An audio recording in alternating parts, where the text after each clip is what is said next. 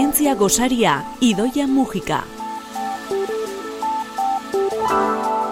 Idoia Mujika, materiaren eh, fisika zentroko komunikazio arduraduna, ongi etorri, Euskadi Irratira, zer moduz? Oso, ondo, urte berrion. Horrein esan daiteke, ez? Esan daiteke horrein ez da. Bai. e, gaur urte berrion eta eta eskerrik asko esateko gogoz ere etorri zara? Bai, eskerrak eman nahi dizkiet, ba, Euskara ikasten ari diren guztiei. Ba, bereziki Euskalegietan gure audioak entzumen alantzeko erabiltzen ari direlako. Eta horrek, bai, esateko, ba, pozez bete gaitu, bai, ni eta bai amaia, hemendikan kuku bat, eta, eta bueno, eskatu didate ere polikiago hitz egiteko beraz esfortzu egingo dut gaur.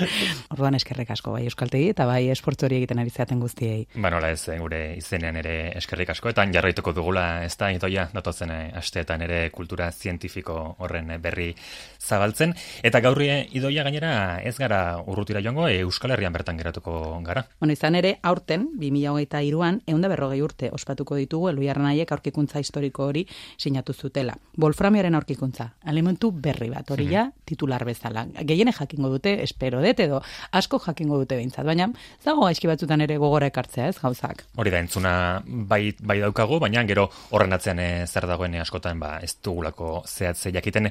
E, idoia, eun eta berrogei urte esan duzu, horrek suposatzen du, atzera egin eta emez zortzi garren emendera egin behar dugula. E, zientzia, metodo zientifikoaren esparruan, bai izan zen hori, garai esanguratsua. Bai, oso, emez zortzi garren mendearen amaieran, zuk esan bezala, Europa osoan interesan dia sortu zen, ba, funtsesko zientziak, eh, fisika, matematika, eta horien aplikazioak astertzeko. Ten, testu inguru horretan sortu zen kimika modernoa. Materia osatzen zuten elementuak adibidez, beraien propietateak, elkarrekintzak, buruan eukiko dezu edanak, gutxu gora bera, ba, kimika, ni kimikaria naiz, hori esan beharret, daudan ere gai kutxuna, mhm. eta taula periodikoa, ez? Eta horrekin badakigu, ba, hor dagoela gako guztia materia osoa ezagutzeko eta egiteko.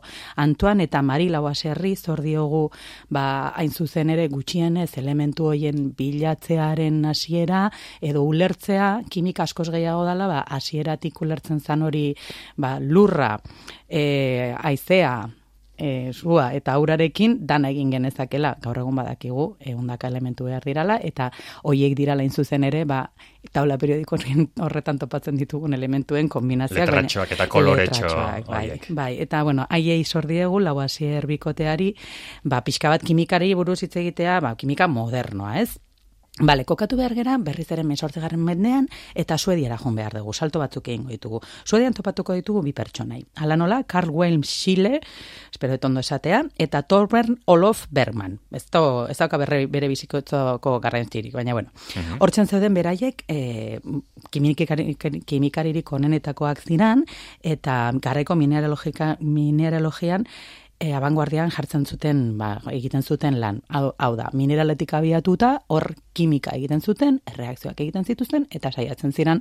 astertzen mineraloien eskura genauzkan materiale hoien, ze gara joietan ezin genitun asmatu elementuak gaur egiten dugun bezala, edo laborategi finfinak euki atomoak atomoz begiratzeko, mugitu behar ziren pixka bat, pues, alo bestia, gaizki esan da. Ordan, beraien, beraiai fokoa jarrita zeukate tungsten, gogoratu izen hau, ze gero tungsten aipatuko dugu ere, eta hortik elementu kimiko berri bat atera nahi zuten. Ba, lan horretan zeudela eta unibertsitate horretan haietako batek klaseak ematen zituna, gure eluiarran haietako bat suediara juntzan, bisitan.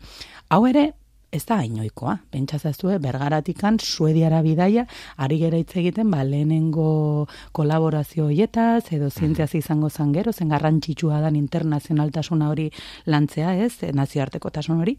Eta bueno, ba, hor kokatzen dugu ja, Upsalan, Suedian, eluiarra nahietako bat. Entzun zuen, katedradun horrek esan zuena, eta pentsatu zuen, bueno, ba, ni bergarara jungo naiz, eta saiatuko naiz ere, elementu berri hori, hori indikan uh existitzen ez, ezagutzen ez zena, bilatzen. Bale, ba, anas izan bera, le, bere anaiarekin, eluiarra nahiak, Fausto eta Juan Jose Eluiar, eta bergara montatu zuten, izugarrizko laborategi bat. Hau ere, aipatu behar da. Ze, azken finean, ez da normala, ba, ba topatzea, herri batean horren beste esfortzu eta horren beste lana eta gaina Europa mailan benetan ba, etortzen jan jendea beintzat zuri gelitzen zen, nola, nola ari ziren lanean eluriarra nahiak. Eta gara hartan, eh, esan dugu, duela eun eta berrogei urte. Bai, eun da berrogei urte badira, onge, gara joietan, bai. E, abia puntua beste mineral bat zan, bolframita, eta orain beste mm bai zieran esan dizuedana, ez? Bolframia eta tungstenoa, ikusiko dugu gauza bera dirala. Eta ondik, mineral hortik abiatuta, bolframitatik mia zazpireon dela, erogeita iruko, irailaren jogeita sortzean, badakitorien falta dala, baina bueno, urte osoa pasa ezakegu ospatzen, zergaitik ez, isolatu zuten eta lortu zuten lehenengo aldiz eta wolframio deitzu zioten ze wolframitatik isolatu zuten elementu berri bat. Esango duzu, bueno, ze ondo elementu berri bat. Bai, gaur egun beti izaten da albiste elementu bat gehitzen zaionean taula periodikoari, gero eta saiagoa da zeia sintetizatu egin behar dira, ez dira topatzen naturan. Ezagutzen ditugu dauden guztiak. Mhm. Baina, garai horretan, hogeita lau besterik ez ziren ere esagutzen. Gaur egun taula periodikoari behiratu askar bat emate bat diozue, eundaka daudela ikusi dezakezu, eunda emezortzi inguru. Orduan, ba, imaginatu, hogeita lau egonda, hogeita bosgarrena topatzea, benetan ito bat zala, bai, bai, bai, bazan, bazan, bazan. E, idoia, bergara ze ari gara, e, bergara gipuzkoa barnealdean, e, kulturari, historiari erotutako herria gaur egun, nolakoa zen e, garai hartan e, bergara?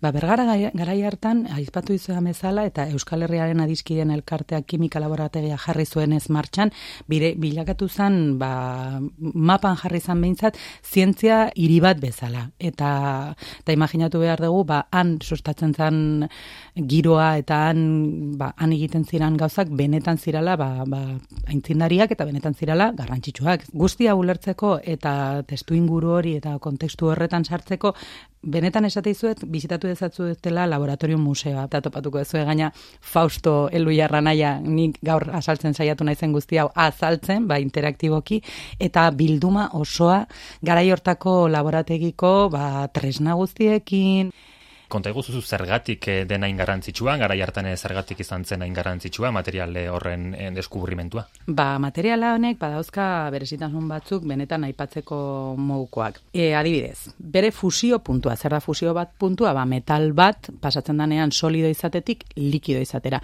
altuena da munduan ezagutzen dugun elementurik altuena dauka. Irumila lareun gradu zentigradoz berotu behar dezu, are likido bihurtzeko.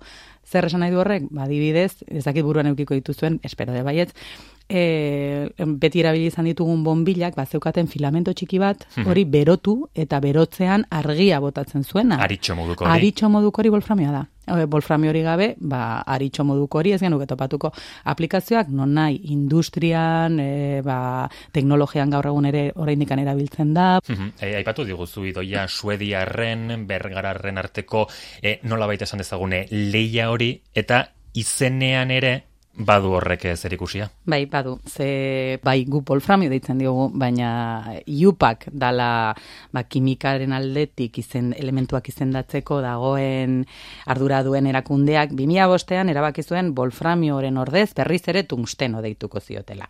Tungsteno zergatik, bai, aipatu degun tungsten mineral horretatik abiatu ziralako ba, elementu hori bilatzeko esfortzuak.